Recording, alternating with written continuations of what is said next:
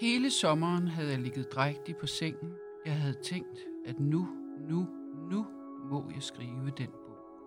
Nu, velvidende, at dette nu altid blev udskudt.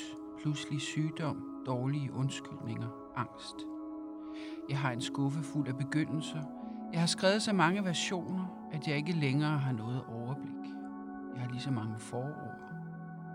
Det seneste, som jeg kun har skrevet på indersiden af panden, lyder sådan her. Bare rolig alle sammen. Det er 50% auto, 50% fiktion. Et forår, der allerede er streget ud og krattet til. En stemme, der messer.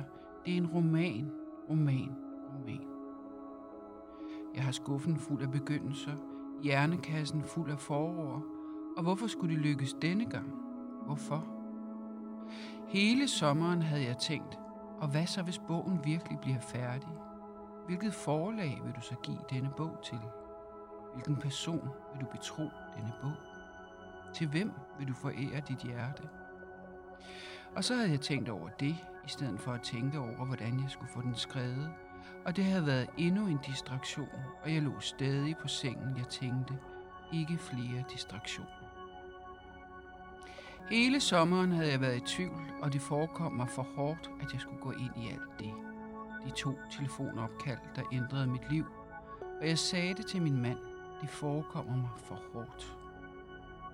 Mine ord hang i luften mellem os. Vi var i Sverige. Desuden tror jeg ikke, jeg kan, sagde jeg. Ikke uden at mit liv går i stykker. Jeg forklarede, at skriften har det med at slå tilbage på uforudsigelige måder, at det ikke er gratis at skrive. Jeg tror ikke, jeg kan, gentog jeg. Det bliver den sværeste bog, jeg nogensinde har skrevet. Men min mand grinte bare og sagde, at hvis det ikke var svært, ville der jo heller ikke være noget ved det. Hvordan ved du overhovedet, om det bliver svært, sagde han. Har du ikke selv sagt, at en bogs tilblivelse er umulig at forudsige? Vi lå side om side i sengen. Vores hus var omkranset af lys, grøn skov. Og min mand sagde, at det nok var bedre for mig at skrive bogen, end at gå rundt med en uforløst bog inde i kroppen. Og hvad så, hvis mit liv går i stykker, sagde jeg. Så fikser vi det igen, sagde han. Det er jo bare en bog. Bare en bog. Det er det forsvar, jeg skal bruge, slår det mig. Det er ikke liv og død. Det er bare en bog. En forfatter skal kunne forsvare sig mod sin egen bog. Sådan ser jeg det. Bogen er som et barn, der under stor kraft og smerte er ved at blive til. Og her skal moren, forfatteren, den voksne, kunne stå fast og give det en form for ramme og retning. Eller... Det er løgn selvfølgelig. Hvis jeg nogensinde nærmer mig det rigtige omfang af mit emne, så er det ikke bare en bog. Så føles det snarere som liv og død. Ikke liv og død i fysisk forstand, men liv og død som i det, der lever i mig, og det, der ikke gør.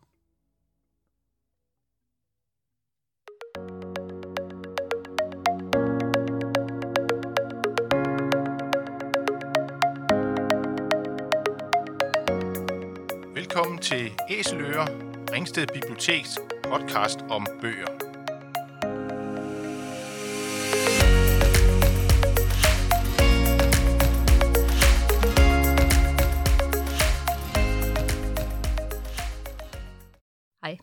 Sanne. Og jeg hedder Morten. I dag har vi besøg af forfatteren Katrine Marie Gullager. Velkommen til dig, Katrine. Tak skal du have. Vi har jo inviteret dig til en snak om bøger. Og vi har bedt om at vælge tre bøger, som, øh, som du vil anbefale, og som har, har gjort indtryk på dig, som, både som læser, men også som forfatter. Og derudover så har Morten og jeg valgt hver en bog fra dit forfatterskab, som vi gerne vil anbefale, og som vi skal tale om. Men inden vi går i gang, så vil vi minde om, at øh, du kan finde titler, forfattere og andre noter fra podcasten på vores hjemmeside ringstedbib.dk under inspiration. Katrine Marie Gullager er kendt fil i dansk og uddannet fra Forfatterskolen i 1994. Samme år udkom hendes debutbog, digtsamlingen Dagene skifter. Siden har hun skrevet mere end 50 bøger, der breder sig over digtsamlinger, noveller, romaner, en biografi, men også børnebøger. Både for de mindste med for eksempel billedbøgerne om drengen Anton, men også til de lidt større børn, der begiver sig ud i læsningen selv. Hun er måske mest kendt for Køgekrøniken, en serie, der startede i 2010 med Ulven, og som gennem seks bøger følger en familie fra Køge i to til tre generationer fra slutningen af 2. verdenskrig til 1980'erne. Og Katrine, vi, øh, vi starter med din nyeste bog, som var den, du læste op fra, du læste op fra indledningen. Den er jo spritny, udkom her øh, i år, 2021, og øh, udkom i foråret, ikke? Så, januar. Januar, ja. ja. Så det er øh, en af de tidlige øh, udgivelser her i år. Så, øhm, og den har vi jo øh, selvfølgelig på som den første, vi taler om. Øhm, titlen Det samme og noget helt andet er jo noget, hvis man kender dit forfatterskab, øhm, er noget, der går op for en efterhånden, som man læser sig ind i bogen. Fordi der er jo noget kendt som læser, man, man kender, jamen den, det tema kender vi godt, den problematik. Og så er der så alligevel noget andet, som du måske ikke har fortalt, eller som du fortæller på en anden måde med den her roman. Mm, jeg kunne godt tænke mig at spørge, hvordan har det været at skrive romanen? Jeg synes, det var utrolig hårdt at skrive romanen, også som, øh, som jeg antyder lidt her i, øh, i det første stykke, jeg læste, at, øh, at det har føltes meget farligt egentlig at, at bevæge sig ned i sin egen historie på den måde, som jeg gør her. Altså, jeg er jo ligesom øh, startet med min egen historie, og så har jeg arbejdet det over til noget fiktion. Altså prøvet at ligesom flytte min egen historie lidt ud i det almene, så det er ikke sådan som om, at det er direkte min egen historie. Men jeg bevæger mig meget tæt op af min egen historie, og det har føltes farligt på mange måder. Altså, øhm, øh, og svært øh, at gå tilbage til nogle af alle de... Øh, nu sker der jo først det, at min veninde dør, og så dør min far, og så udbryder der arvestrid i familien, og ja, så er der sådan et ungdomsliv, hvor man er meget alene og i tvivl om, hvad man egentlig kan, og har verden overhovedet en plads til mig, eller, eller hvordan skal det gå mig? Øh, så der har været mange svære følelser at genbesøge, synes jeg. Øh, men nu hvor jeg så har har været der og har skrevet bogen, så føles det egentlig meget rart, for jeg føler, jeg føler også, at jeg ligesom har altså, været lidt tilbage og samle, samle noget af mig selv op, som jeg havde parkeret i fortiden. Men altså, før jeg gik i gang, og også mens det stod på, så synes jeg, det var svært og hårdt, faktisk. Øh, også den der følelse af, at man er alene i familien, at der faktisk ikke er nogen, der hjælper dig en, og, og, og man føler, at, altså alle dem omkring en, der skulle være ens go-to-personer, og måske bare ikke kan hjælpe en, og hele den følelse af at være så alene, synes jeg var meget hård at gen, genopleve. Ja, altså vi, vi får jo også et indtryk af alt det, du siger i romanen, fordi den er jo i, i to spor. Der er et, et, øh, et fortidsspor, hvor hovedpersonen ja, der starter meget dramatisk ud, som du siger, med, med to dødsfald øh, tæt på inden for den samme uge og så efterhånden finder ud af, at det med skrivningen måske er noget, som bliver en stor del af hendes liv. Og det synes jeg, der er en fin beskrivelse af det, hvordan det sådan kommer, kommer snigende. Selvfølgelig er der en, en interesse for at skrive, men det tager ligesom over og bliver noget, der fylder mere. Og, og, og der er så et, et forløb med forfatterskolen også, og så er der det andet spor, nemlig, øh, hvad skal man sige, nutidssporet, for vi er jo ret tæt på der, øh, hvor, vi, hvor vi følger hovedpersonen, øh, der er i gang med at skrive den roman, om hvordan det er. Øh, der er på et tidspunkt, jeg tror det er i forbindelse med en samtale med en redaktør, som hovedpersonen har. Nu siger jeg hovedpersonen, fordi... Mm, øh, det er også, det er, jeg synes, det er rigtigt at sige Det er jo det, er jo det mest ja. rigtige, ikke? Mm øh, har en samtale med sin redaktør, jeg mener det der, hvor redaktøren så spørger, jamen øh, er det egentlig ikke bare, øh, hvad hedder den, lysgrænsen om igen, altså den øh, biografi, som hovedpersonen har skrevet om nogle af de samme ting, altså om de tragiske begivenheder, og hvordan de blev, hvad skal man sige, kom i et, et, et, i et, i et øh, psykoanalyse øh, forløb og, og fik talt dem igennem. Og der bliver der så svaret, nej, det er en roman. Hvad, hvad, mener, hvad, hvad, mener, hvad, mener, hvad mener forfatteren med det? Jamen, det er jo en roman. Altså, øh, min, øh, min gamle bog, Lysgrænsen om psykoanalyse, er jo ikke en roman. Den er jo også i et helt andet, øh, meget mere øh, faktuelt sprog. Øh, det her er jo en kunstnerisk øh, bearbejdelse af, af nogle af alle de følelser, som hovedpersonen havde. Og øh, og det er en roman, altså på den måde, at den skaber rum, at den skaber historier og skaber øhm, altså iscenesætter eksistentielle konflikter øhm, på en kunstnerisk måde, så det er helt klart en, en roman, og den rummer jo meget mere om, hvad det vil egentlig sige at være inde i den hovedperson. Så jeg synes, det er noget radikalt andet end lysgrænsen. Ja. Ja, Jamen det, det, øh, det er jeg helt enig med dig i, men det er jo, det er jo påfaldende, at der bliver spurgt til det, fordi det, ligesom jeg skal sige, det, læseren kender jo godt den øh, bog, ikke? Og nogen man sådan gør tænker, fald. Nogen ja. gør, ja, præcis. Altså, jeg tror, der, der er rigtig meget i romanen, som hvis man kender dit, altså køgekrønning har fuldt dit forfatterskab, som, som, som hvad skal man sige, er guf for, for læsere, der kender dig, fordi man får foldet, man får lige lidt mere ekstra med, ikke? Mm. Og som ny læser, jamen så træder man jo ind i, i, øh, hvad skal man sige, hvor man får det hele, ikke? I, netop som siger, en kunstnerisk fremstilling, ikke? Og så kan man så bevæge sig igennem forfatterskabet og, og, og opdage det. Ja. Øhm. ja, og jeg synes jo, det her stof, det har jo ligget under hele mit forfatterskab. Mit allerførste digt, det handler jo om en begravelse.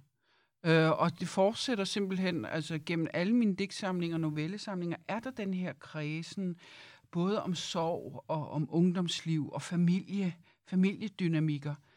Og der, der føler jeg, der føler jeg på, på en eller anden måde, nu havde jeg været kommet dertil, hvor at jeg også var nødt til at, ja, jeg følte et behov for at, at, at, at, at aflevere det hele, kan man sige. Øhm, jeg havde skrevet nogle, nogle dannelsesromaner, også for unge mænd, og jeg følte, at nu er du også nødt til at fortælle din egen dannelseshistorie. Nu kan du ikke blive ved med at kredse om det. Jeg synes på en eller anden måde, jeg havde kredset om nogle af alle de her ting, og brugt det selvfølgelig også som, som benzin til, til andre fiktioner. Men jeg følte på en eller anden måde også, at der på et tidspunkt ville være en, en løgn, hvis man ikke sagde det, hvis jeg kan sige det på den måde. Altså, ikke fordi det ville være en regulær løgn, men fordi hvis, du, hvis der er noget, som du ikke siger, så kan det på en eller anden måde godt føles som en løgn. Og derfor følte jeg på en eller anden måde, at nu er jeg nødt til at sige det hele, og nu er jeg nødt til at fortælle min egen dannelseshistorie. Øh, også hvor jeg har siddet og fortalt så mange andres dannelseshistorier, så, så synes jeg, at jeg skulle fortælle min egen. Ja, så øh, nu, jeg kommer til at tænke på, øh, Per Højhold havde det her med, at med hovedstolen. Ja. Øhm, og der, der kan man altid sådan, jamen, øh, hovedstolen er der jo, men, men man skal jo passe på med at forvalte den rigtigt og sådan noget. Hvordan, hvordan tænker du over det? Altså det der med, at du fortæller, som du siger, det hele, men er der stadig en hovedstol, du kan, du kan skrive videre på? Øh? Øhm, ja, Altså, jeg tror, alle forfattere egentlig altid kan skrive videre. Der, er, der kommer ikke sådan noget punkt, nu har jeg sagt det hele. jeg tror simpelthen ikke, det findes. Så jeg tror, at... Øh, og jeg vil også sige, nu hvor jeg så har fortalt det her, det er jo min hovedpersons... Øh, der har jeg prøvet at være lojal over for min hovedpersons følelser og oplevelser. Øh, og der mærker jeg da, at når nu jeg har fortalt det fra hendes vinkel, så, kan der, så åbner der sig jo andre vinkler. Så øh, jeg, jeg, jeg, jeg har aldrig troet på den der med, at man tømmer sig selv for, for stof, for jeg tror altid, der er... For en forfatter er der altid det her dramatiske forhold til sprog og til virkeligheden, som gør, at man egentlig kan blive ved. Men jeg vil så også omvendt sige, skulle det ske, at jeg havde tømt mig selv for stof, og, øh, og derfor ikke havde noget at sige mere, så synes jeg også, jamen, så er det okay. Altså, jeg talte med en kollega om den anden dag, at det med at skrive er jo også en slags reparationsarbejde. Det er som om, man går og reparerer et eller andet gammelt sår eller en gammel skade. Og hvis der så sker det, at man rent faktisk får den repareret, havde jeg sagt, jamen så, altså halleluja, det er da kun godt. Det er jo ikke noget med, at man skal gå og pine sig selv. Jeg læste om øh, uh, Jakob Ejersbo, uh, der var en af hans venner, der sagde, at han sådan ligesom havde dyrket øh, uh, sine, uh, sine problemer for at skrive om dem. Og det tror jeg for det første ikke er rigtigt. Øh, men for det andet, så synes jeg da heller ikke, man skal det. Altså, det er da vigtigere at, at leve, end at skrive, så jeg synes da ikke, man skal pine sig selv, hvis det er det, man er ude i. Nej, så hvis, det, hvis der ikke er mere, så er det det. Ja. Men omvendt, så kan det jo også være, som du siger, at der faktisk bliver lukket mere og mere op, jo mere man tager fat på den der hovedstol. Hvis man Præcis. investerer den rigtigt, ikke? Ja. nu bliver sådan en bankverden, ikke? hvis man laver en rigtig investering, ja. jamen så vil den jo bare vokse. Jo, og der er forskellen jo, er det en kunstnerisk iscenesættelse, eller er det, som vi jo også ser i de her år, øh, meget, bare en mere sådan direkte udlevering af hele ens liv?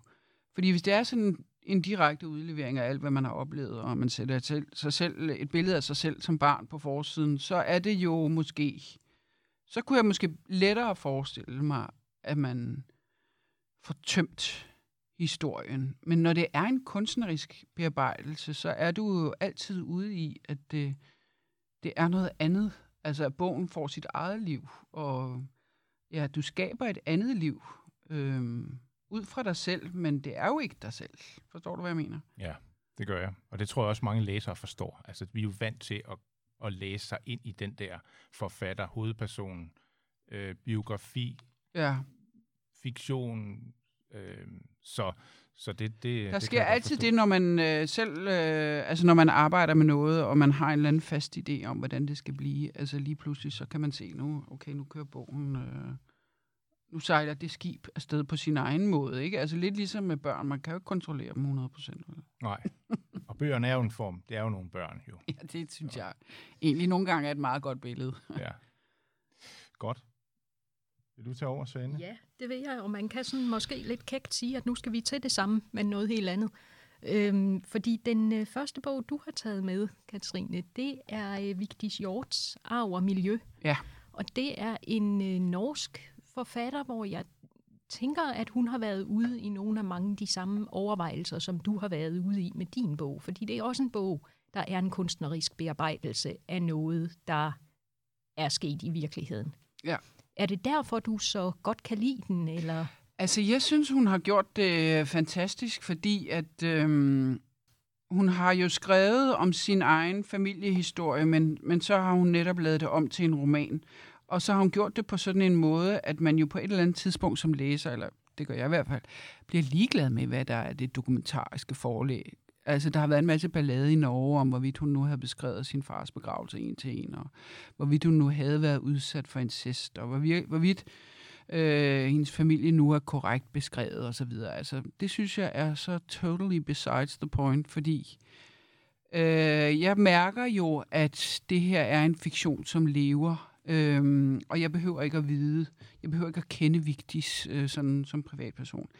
Men jeg synes, hun beskriver det her familiedynamik øh, så helt utrolig godt, og på en måde, som jeg ikke synes, jeg har set før, fordi hun har det her meget vibrerende, gentagende, sådan lidt fibrilske sprog, hvor jeg synes, hun på en fantastisk måde får beskrevet øh, nogle af de konflikter, man står i, i sådan en familie, øh, hvor man jo på en måde så gerne vil, og så på en måde ikke vil, og på en måde holder af, og på en måde er nødt til at, at distancere sig. Og man hele tiden har de her sådan meget, meget ambivalente følelser, tror jeg mange af os kender øh, med hensyn til vores øh, familie.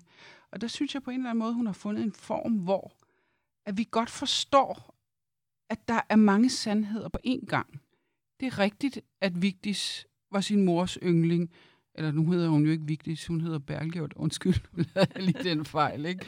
som jeg lige sagde, man ikke skulle lave, men altså, hovedpersonen, vi mærker, at, at øh, moren, øh, at, at hovedpersonen er, er morens foretrukne, og vi mærker, at moren er utrolig kold og afstandstagende i forhold til sin egen datter. Vi mærker, at datteren så gerne vil, og vi mærker, at hun overhovedet ikke vil faktisk, og bare trækker sig. Og, og vi mærker den her sådan åh, kæmpe ambivalens, altså, som, øh, og helt sprogligt, altså det står i de samme sætninger, øh, hvor meget hun, hvor meget der er sandt på én gang. Altså, det synes jeg, hun får gjort enormt godt, fordi, øh, fordi i de her familiehistorier er det jo meget sjældent bare et spørgsmål om øh, øh, de gode og de onde. Altså, det er jo et spørgsmål om et eller andet samspil, som, øh, som bare kan være utrolig anstrengende for nogen. Øh, for andre er det bare sådan, det er, og for nogen er det så måske nærmest ødelæggende. Ikke? Altså, der har jeg også indtryk af, at hovedpersonen her i Arv og Miljø, hun, øh, hun har virkelig været nødt til at, komme væk fra den familie for at, at overleve mentalt. Ikke? Hun er jo en, øh, en øh, hovedperson, der har øh, brudt med familien. Hun har brudt med familien for mange år siden, faktisk, ja. og, og er, starter vel egentlig på et sted, hvor hun synes, det er hun afklaret med. Hun har fundet en ro i det. Ja.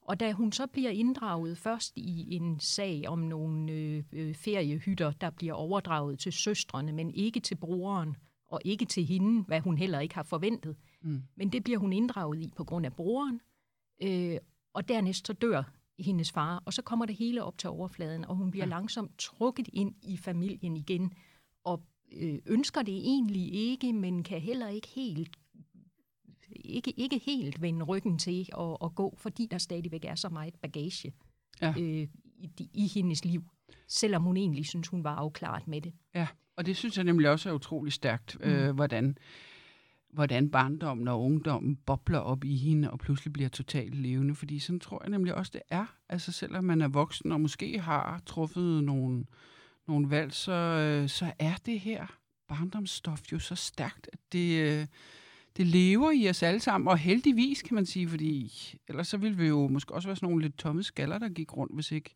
hvis ikke vi havde vores barndom og vores ungdom levende i os.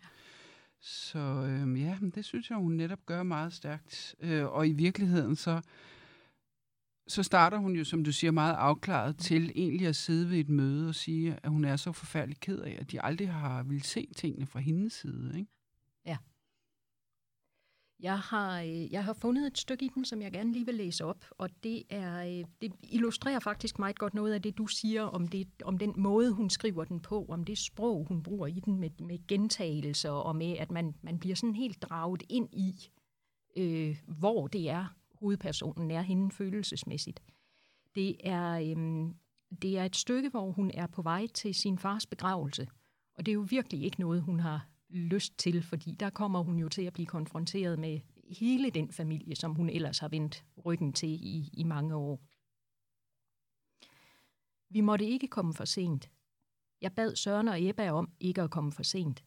Tale udsatte hjemrejsen til Stockholm for at kunne være med. Vi måtte ikke komme for sent. Vi kørte i god tid, men jeg ville ikke komme for tidligt. Jeg ville ikke stå på trappen til kapellet og hilse og snakke. Jeg måtte ikke komme for sent. Jeg ville komme præcis i tide. Jeg gruede for det.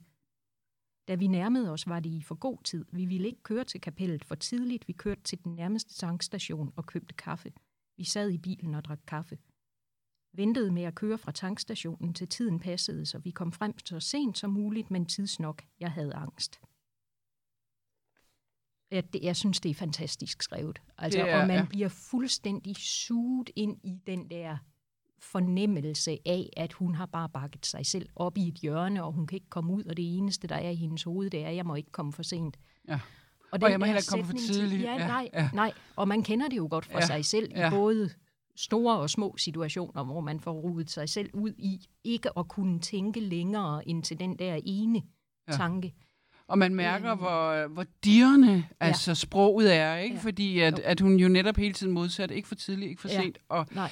Og, øh, ja, og så mærker man jo, altså, og det der forplanter sig i en, tror jeg, Mm. det er den der stærke følelsesmæssige Ja. frustration. Altså, at hun er sådan helt øh, stresset, altså Ja. jo, ikke? Og så Vil vi den- kalde det. Afslutning, hvor hun til allersidst kommer frem til, at jeg havde angst.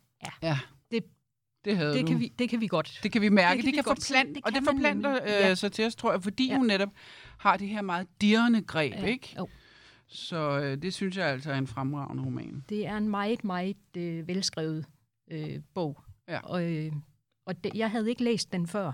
Nej. Men øh, da du nu havde den med i dag, så tænkte jeg, nu Ja. måtte jeg hellere lige få gjort noget ved det. Også Nå, fordi så du har jeg lige læst den Jeg simpelthen? har lige læst den. Ja, ja. Øhm, Jamen, den også fordi fantastisk. jeg havde læst lidt om alt det på styr, der har været om den i Norge, Ja. og, og øh, familien har reageret, og der har ja. været en masse frem og tilbage. Så tænkte jeg, nu måtte jeg hellere komme i gang, og det fortryder jeg bestemt ikke. Nej, men det er godt. Det er godt. Så har jeg anbefalet noget til dig. Tak for den anbefaling. Jeg har jo så den næste bog med, og det er jo en, som du har skrevet, øh, Katrine. Det er den, der hedder En plads i historien. Det er en lidt ældre bog, jeg har taget øh, øh, og læst, og jeg må indrømme, jeg har ikke, øh, jeg har ikke, jeg er ikke den læser, der har fulgt dig i dit forfatterskab.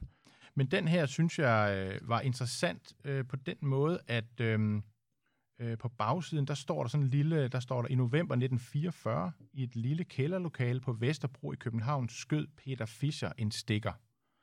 Og jeg, jeg havde godt på fornemmelsen, at nu er vi ikke ude i sådan en, øh, en drama-action eller øh, hvad hedder det, opgør og sådan noget. Men, men jeg synes, det er en spændende igangsætter, øh, fordi jeg har læst nogle af de der Peter Øvig Knudsens bøger om stikkerdrab og, og alle de historier, der kommer op efter krigen, og som stadigvæk øh, er noget, der, hvad skal man sige, håndter familier eller i hvert fald har gjort det.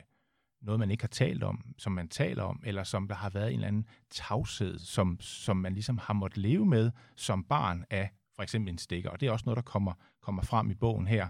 Øhm, men det starter med en fødselsdag, som jo er noget glædeligt, men hvor man jo så får præsenteret den her, jeg vil ikke sige dybt dysfunktionelle, men i hvert fald, der er nogle dysfunktionelle træk ved den her familie, som man så får præsenteret personerne og de relationer, der er i familien.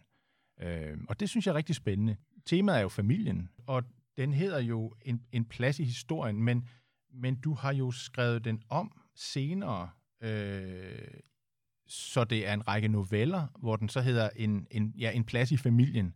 Jeg kunne godt tænke mig at spørge, hvor, hvorfor, har du, hvorfor har du valgt at, at skrive den om? Men det, øh, en plads i historien her var jo en af mine første forsøg på at skrive en, en rigtig roman. Og det, som jeg følte, da jeg kiggede på den 10 år senere, det var, at selve det med at fortælle en historie, det var jeg egentlig ikke særlig god til. Altså, det havde jeg ikke særlig meget erfaring i heller. Øhm, det er jo også noget, altså på forfatterskolen, der snakkede vi jo meget om noveller og digte og sprog, og det er jo også vidunderligt nok, men selve det at fortælle en historie, der øh, tror jeg nok, at man må sige, at øh, vi var noget underforsynet med øh, erfaring i det.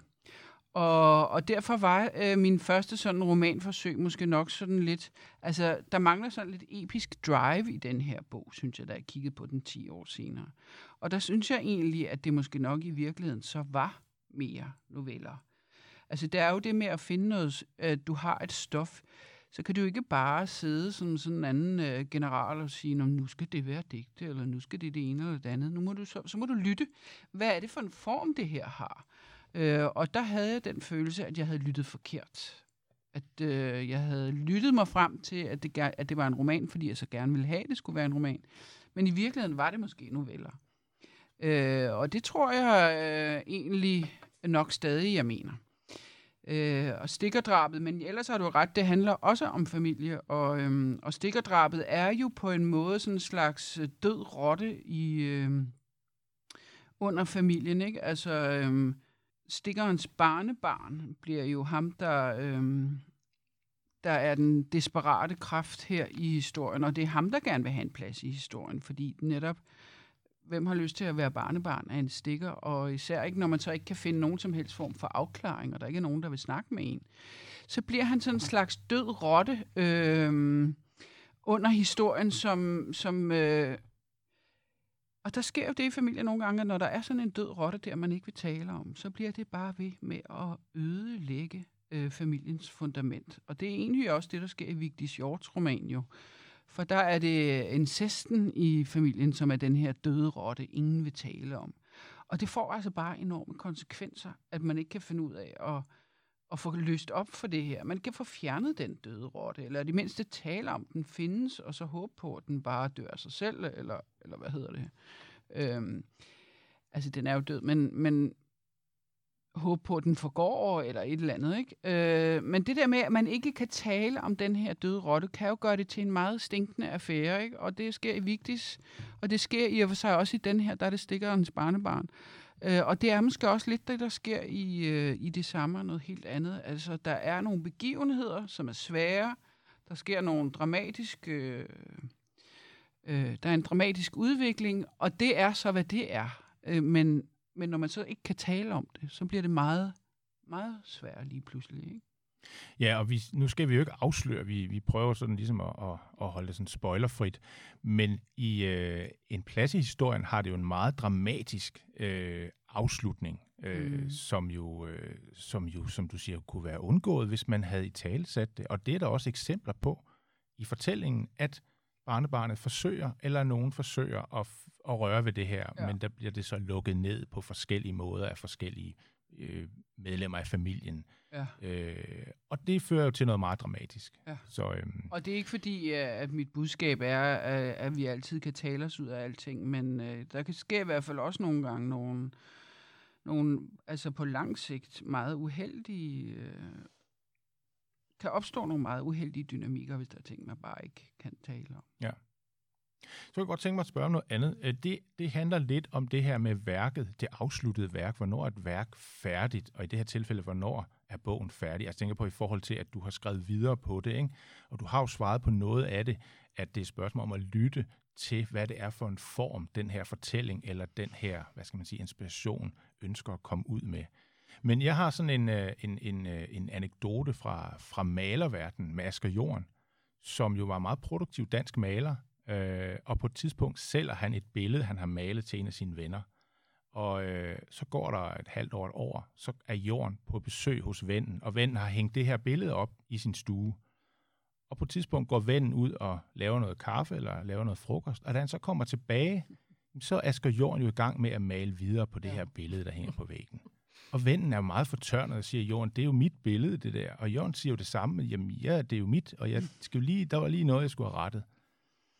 Hvad, kan, at, altså, hvornår er et værk færdigt? Hvordan tænker, tænker du det, at, at et værk kan være færdigt? Er det læseren, forfatteren, eller hvordan bliver det afgjort?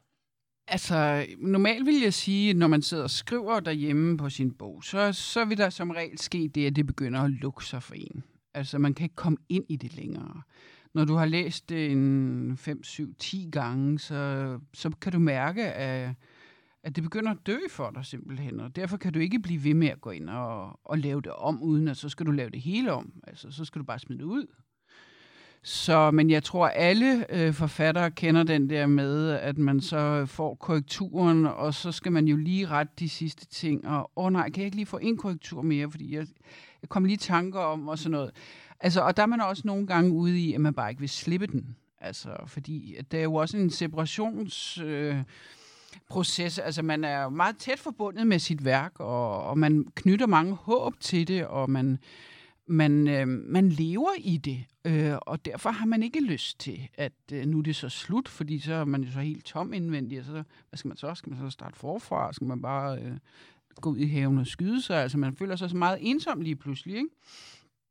Lidt apropos, nu snakkede om børn, ikke? Altså, når de flytter hjemmefra, ikke? Det er da ikke sjovt. Kom lige tilbage et halvt år mere, ikke? Ja. Sådan uh, tror jeg også, der er mange, der har det med deres, uh, deres bøger. Det kan være svært at ligesom klippe snoren Øh, men altså omvendt, så tror jeg, at alle, som øh, har skrevet mere end et par stykker, vi ved jo godt, at, at det må vi gøre, og så gør vi det. Og hvornår er bogen færdig? Jamen, man siger jo selvfølgelig også, at den lever videre blandt øh, læserne og, og får liv, som vi gudskelov ikke kan forudse. Altså, vi kan jo ikke forudse, hvor, lang, øh, hvor langt liv bogen får heller. Og vi kan ikke forudse, hvordan den vil blive læst. En ting er, hvordan bliver læst nu. Måske bliver den læst anderledes om fem år. Det er jo egentlig bare, bare meget skønt at tænke på, synes jeg. Ja. Men det er interessant, vi, vi talte om det, Sande, i, i for, vi, vi er jo meget glade for film og, og, og, og glade for, for, for Star Wars-filmene. Men, men der har vi jo en, en, ja, det er ikke det samme, men det er lidt det samme, det der med, hvornår er en film færdig, fordi vi har jo det der begreb director's cut, og, og så kommer der en udgave med en anden, altså, så bliver der rettet lidt, og på et tidspunkt, så, så flyder det lidt, det der med, hvad er det egentlig for en film, jeg har set? Fordi mm. der, der er jo mange versioner. Men, men jeg var faktisk lidt forarvet. Jeg vidste faktisk slet ikke, da Sanne, hun fortalte. Øh, vil, vil det være, du bedre vil fortælle, Sanne? Ja, altså de oprindelige Star Wars-film har George Lucas redigeret. Og så har han fjernet de gamle versioner fra markedet. Og det er der, det er sådan lidt knækker for mig, fordi det, altså, man kan sige, at du har skrevet din bog om til en novellesamling, det er fint nok. Man kan stadigvæk tilgå begge værker, mm. øh, og man kan læse dem hver for sig, og man kan have oplevelser med det. Øh, men Asger Jorden, der maler på et billede, der kun eksisterer i et eksemplar, og George Lucas, der fjerner alle de gamle versioner fra markedet, fordi han synes, der er nogle ændringer, som han vil have skal være de gældende. Det, det, det er der, jeg synes, at, at okay, der går grænsen måske for mig. Og det kan jeg sagtens sige, fordi jeg udgiver ikke selv noget som helst, så jeg kan sagtens være kæk. Øh, men, men, men når man har sat det i verden, når man har skubbet det ud over rampen og har sagt, her er det, så ja, så er man ophavsmand eller kvinde til det, men man har ikke længere den fuldstændige ejendomsret for mig at se. Nej, det synes jeg, det er egentlig, Fordi du har ret så i. er det derude, og så lever det, som du også siger, jamen det lever nu, og det lever måske også om fem år, ti år, og folk læser forskelligt ind i det, alt efter hvad for nogle erfaringer de selv har. det er jo også en anden meget vigtig ting. Det er jo, at øh, altså for eksempel med titlen, folk spørger det samme og noget helt andet. Mm. Altså, der har, det, er jo, det er jo også lidt, altså der kan læserens øh, tolkning jo være lige så rigtig som min, netop fordi det ikke er min bog mere. Så har jeg jo ikke patent på, hvad den betyder. Øh, og der har jeg for eksempel fået en 4-5 forskellige forklaringer af læserne på, hvorfor den hedder sådan. Ja. Øh, og det er jo rigtigt nok, fordi nu er det jo deres, altså, øh, så det synes jeg jo i sig er rigtigt nok, du, det du siger der. Vi ringer lige til George Lucas og forklarer ham, øhm, Vi har en, hvordan, det en tror høne jeg så, at plukke med det, ham. Det tror jeg så, der er et par millioner mennesker, der allerede har gjort. Jeg tror, han er rimelig kold. Men øhm, var det det, du havde til en plads i ja, historien, ja. Morten? Fordi så går vi videre til øh, en af de bøger, du har haft med, Katrine, og det er Gabriel Garcia Marquez, 100 års ensomhed. Ja. Og øh, det, nu sagde jeg med Arv og Miljø, at den havde jeg læst, fordi du anbefalede den, og jeg synes faktisk, den var fantastisk. Jeg må så tilsvarende sige, at 100 års ensomhed, den havde jeg læst tidligere, og den har jeg ikke kunnet se noget som helst i. Så jeg glæder mig til at høre, ja. hvad det er, der gør, at du synes, den, øh, den er så fantastisk. Altså, jeg synes, hele det magiske univers er fantastisk, og jeg synes, at øh, ja, altså man kalder det jo også magisk realisme, altså den her, det her sammenstød mellem det magiske og det realistiske. Øh, Gabriel Garcia Marquez har engang sagt, at definitionen på magisk realisme er, at der falder en engel ned i baggården. Og det er jo også brugt i, i køgrønningen, fordi jeg selv er øh, begejstret for magisk realisme. Jeg synes, det er det her sammenstød af virkeligheder er så interessant. Og så synes jeg, han skriver fabelagtigt godt. Altså, bare øh, første sætning her, ikke mange år senere stående over for henrettelsespelotonen, skulle oberst Aureliano Buendia huske den fjerne eftermiddag, da hans far tog ham med ned for at se, hvad is var. Altså, der synes jeg bare, at der bliver anslået et rum, som er så enormt. Øhm, og, og, jeg, og jeg synes, hele rummet her er så enormt og, og levende, og jeg tror måske, nu ved jeg selvfølgelig ikke præcis, hvad du fandt irriterende, men noget, som mange læsere har fundet irriterende, er, at mange af personerne har de samme navne, og de begynder at flyde sammen. Øh, og, og Gabriel Garcia Marquez har jo arbejdet meget med det, altså det lineære og så det, det cirkulære. Mm. Altså at, øh, at tingene på en måde skrider fremad, og på en måde står helt stille. Og, og det er jo også noget af det, jeg synes er fantastisk i historien, fordi at vores historie jo går fremad, tror vi, og alligevel så står den jo helt stille. Så, øhm, så det er ikke en, det er ikke altid en super let bog at læse, synes jeg. Fordi der er ikke så mange, altså man kan meget nemt øh, miste de der orienteringspunkter, man normalt har i en sådan almindelig fremadskridende historie. Men jeg synes alligevel, at han får, får skabt et, et meget fantastisk rum, og jeg nyder hans sprog, og jeg nyder øh, magien, øh, og ja, hele den øh, konstruktion og fabel over Latinamerika, som det er. Måske skal man også være lidt vild med Latinamerika for at læse den. Det er jo øh, teknisk set en slægtsroman. Den, den følger en slægt, der øh, faktisk er grundlægger af en lille landsby, og så følger den den slægt igennem 100 år. Deraf, deraf titlen.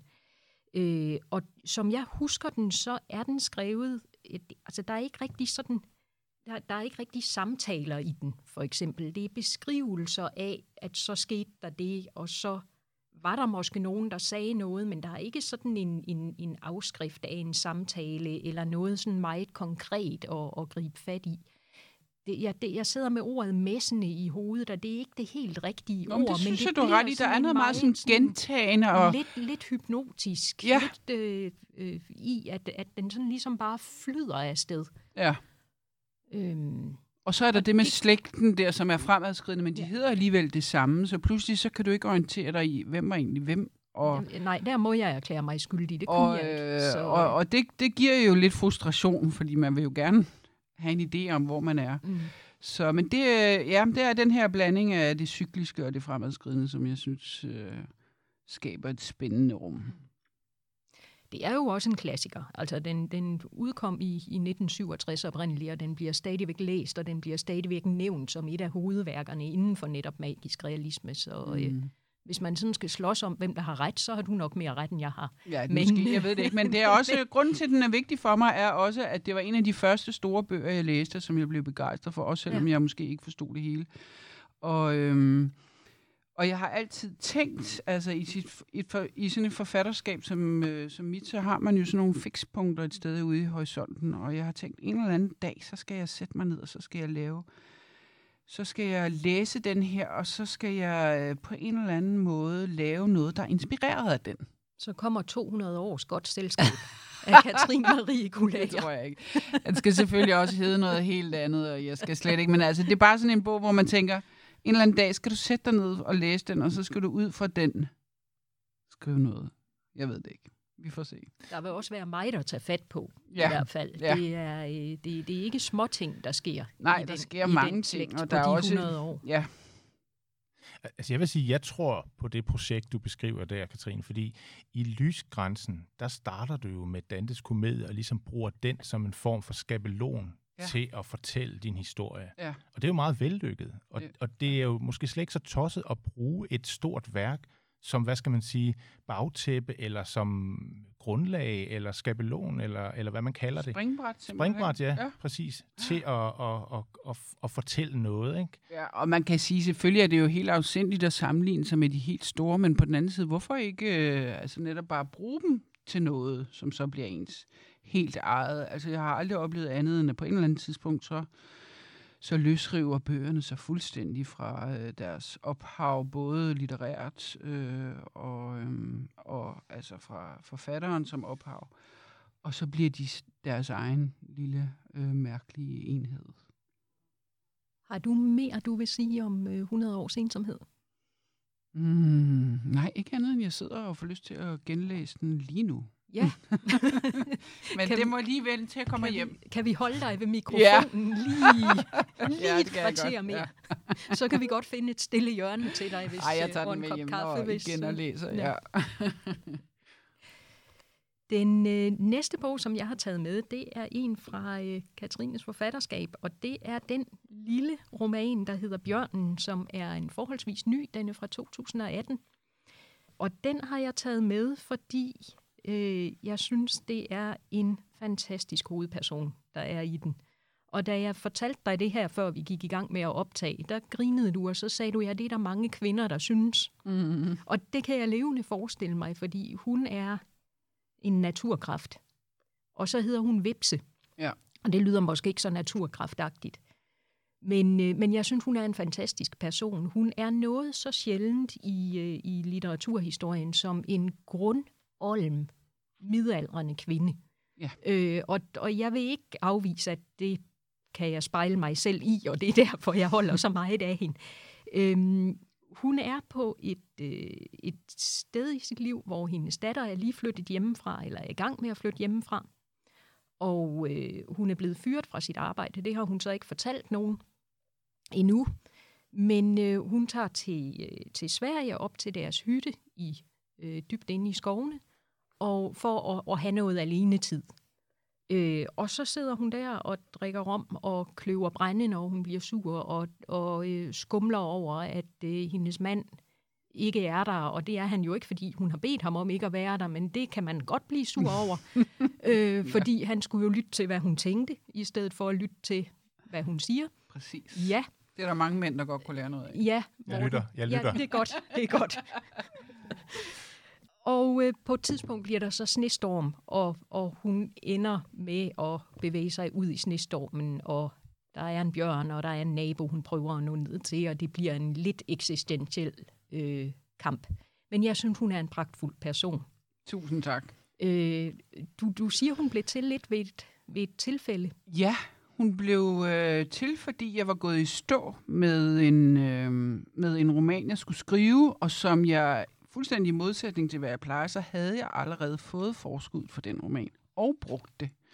Så jeg følte mig lidt fanget i en fælde, at jeg skulle skrive, og måske var det faktisk derfor, jeg gik i stå, fordi at øh, så snart at der går for meget øh, robrød og, og sådan noget i det, så, øh, så bliver det kvalt, ikke? Men, øh, men så sad jeg jo derhjemme og var olm over, at jeg var gået i stå, og så øh, havde jeg den her følelse, altså, hvor kunne jeg godt tænke mig bare at snuppe nøglerne og smutte afsted, fordi vi har også et hus i Sverige.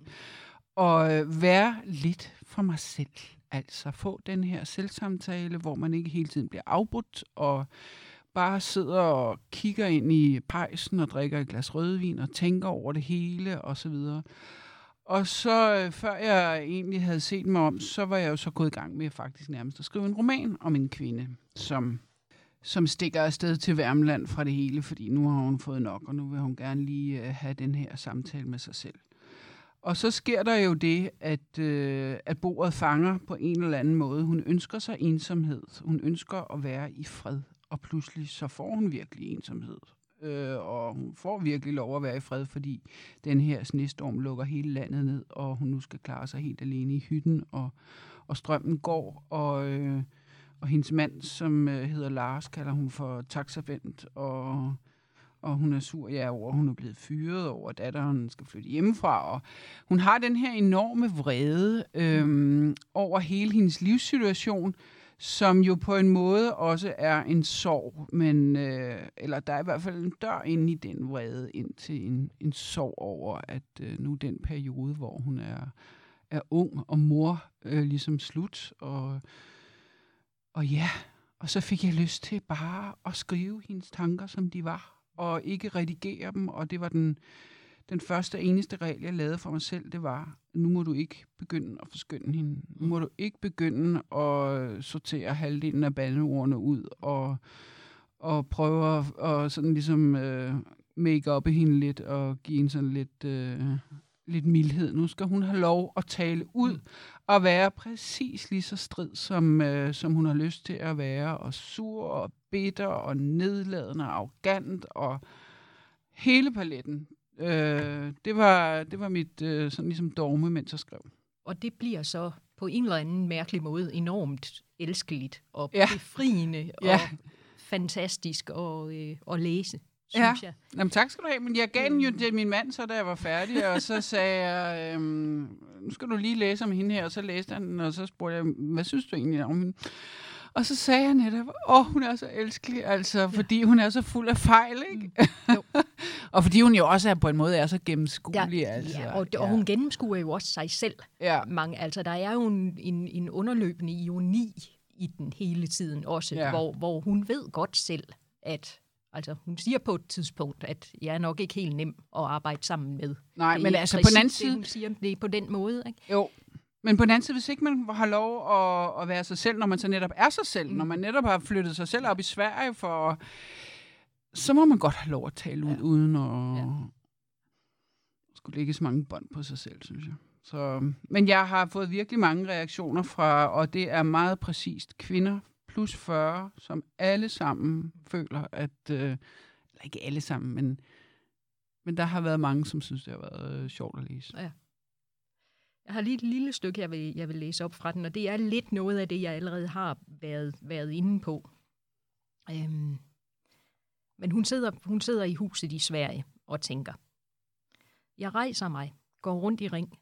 Den største sorg i verden her er dog at miste den, man har kær, siger Blikker. Jeg tror, den største sorg er, når ungen flyver hjemmefra. Ingen mand ville nogensinde kunne gøre en så ondt. Det er derfor, jeg hader Bent. Fucking Bent. Han burde samle mig op, burde han. Han burde være kommet for lang tid siden. Altså bortset fra, at jeg har bedt ham om at blive væk. Og det er typisk hende. Ja. ja.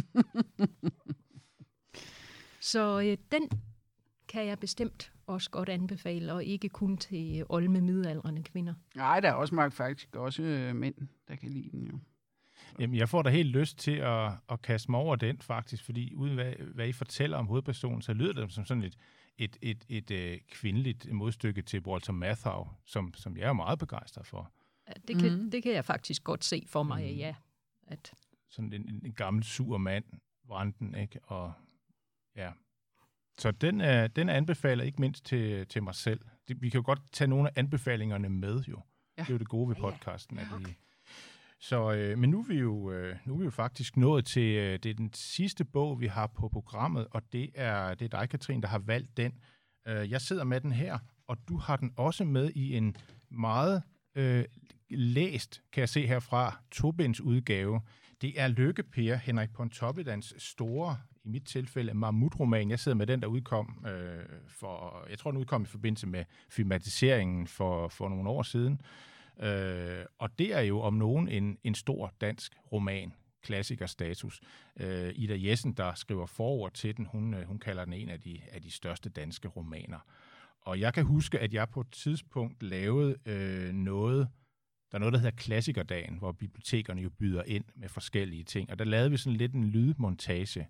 Og der havde jeg, der havde jeg den her med, og jeg kan huske, at jeg synes, øh, jeg, jeg tog den med, fordi jeg synes, anslaget, altså indledningen, er utrolig god. Og det er, det er ofte sådan en, e, e, et godt mærke for en god roman, at man kommer godt i gang og får lyst til at ligesom læse videre ind i den. Og det synes jeg, den har i hvert fald. Og så er den jo fuld af facetter. Men hvorfor har, hvorfor har du taget den med, Katrine? Hvorfor er det en af de bøger, du har valgt? Jamen, jeg synes også, at det er en af de største danske romaner, vi har. Og så er det øhm, også en roman, jeg har været inspireret af hele tiden, øhm, mens jeg har været forfatter. Øh, og grunden til, at den er så slidt, den her udgave, det var den, jeg fik af mine forældre, da jeg blev 18 nemlig. Øh, så det er derfor, den er tapet sammen. Men jeg har altså mange forskellige, øh, mange forskellige udgaver af den. Og jeg synes bare, det er et fabelagtigt portræt af en, øh, af en mand. Altså jeg ved godt, Pontoppidan også ville portrættere samtiden og forskellige miljøer og sådan noget. Men jeg synes egentlig ikke, det er det, der er så vigtigt. Jeg synes, det er jeg synes, det er et fabelagtigt psykologisk portræt af Lykke Per, som øh, kæmper med sig selv, og det ene øjeblik er er øhm, dynamisk og øh, altså beundringsværdig, øh, stedig og dygtig, og samtidig også utrolig god til at spænde ben for sig selv, og den her enorme selvdestruktivitet, han også øh, hele tiden øh, har i sig, synes jeg også er spændende, og det er spændende, hvorfor han ikke kan, kan finde ro, og hvorfor han ikke kan blive i kærligheden til den ene eller den anden, og hvorfor han skal ende helt alene op i Jylland. Og jeg synes, psykolog, altså, jeg synes psykologisk set, det er et super spændende portræt. Øh, og jeg har alt, og så er følelsen jo fuldstændig ny at læse. Den bekræfter jo, at, at litteratur netop kan læse sådan på tværs af flere hundrede år. Ikke? Øh, så øh, og, og derfor, den har altid været sådan en bog, jeg også skulle skrive. Ikke? Jeg skulle skrive den kvindelige øh, lykkepær selvfølgelig. Det er klart. Cirka ikke nogensinde kommer til det, det gør jeg nok ikke, men derfor har jeg igen en af de her pejlemærker. Øh, og da jeg skrev Køgekrønningen, så var det jo faktisk et forsøg på øh, at skrive langt, skrive over store stræk. Fordi øh, Lykkepær er jo, eller var oprindeligt jo i otte bind, øh, og det blev udgivet efterhånden. Og det kan man kun, hvis man øh, kan stole fuldstændig på sin egen underbevidsthed. Altså hvis man kan stole fuldstændig på, at det der øh, dramaturgiske schema, eller hvad vi skal kalde det, øh, den fremadskridende fortælling, som du skal bruge, at du har den et eller andet sted inde i kroppen. Det er ikke noget, du kan skrive ned på en masse øh, post-its og sådan noget.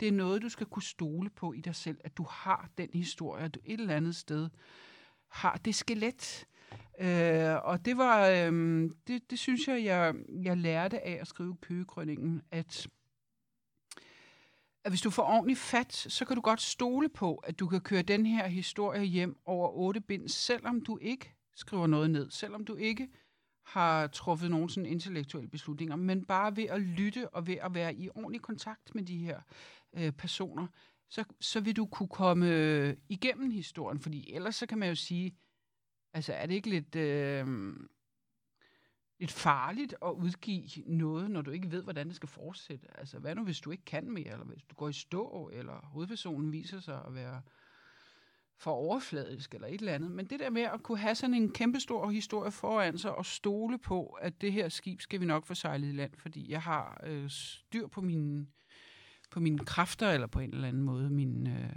jeg har et schema i underbevidstheden, som jeg kan bruge. Øhm, så øhm, det var så, men øh, køgekrøningen kom jo så til at handle om alt muligt andet, det er klart, fordi sådan går det altid. Øh, så.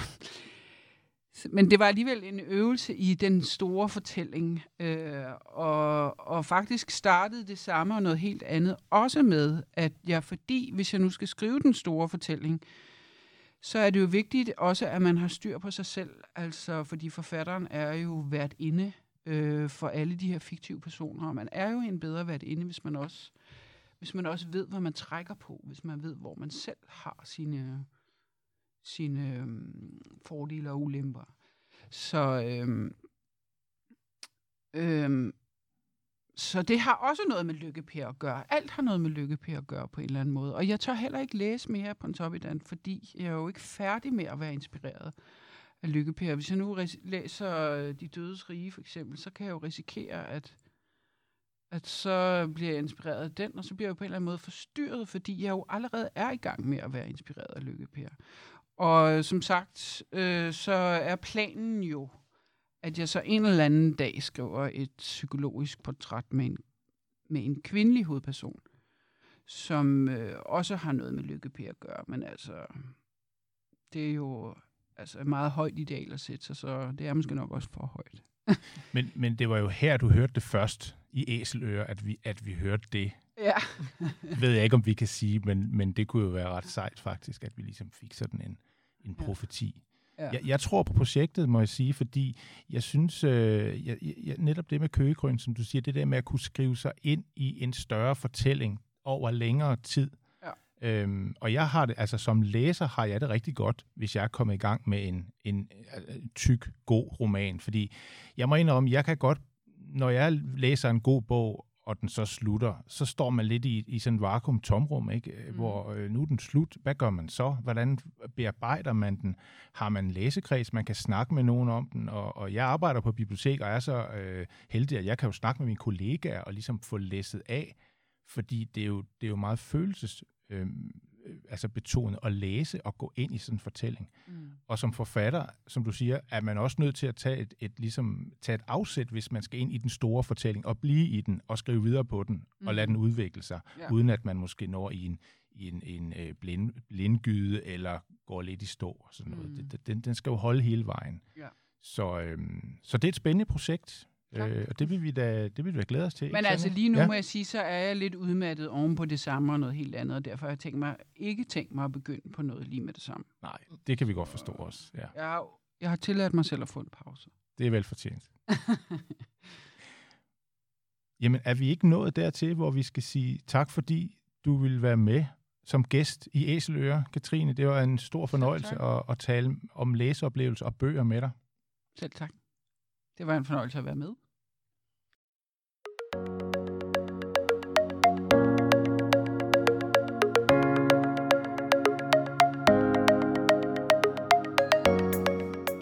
Vi skal til at slutte af.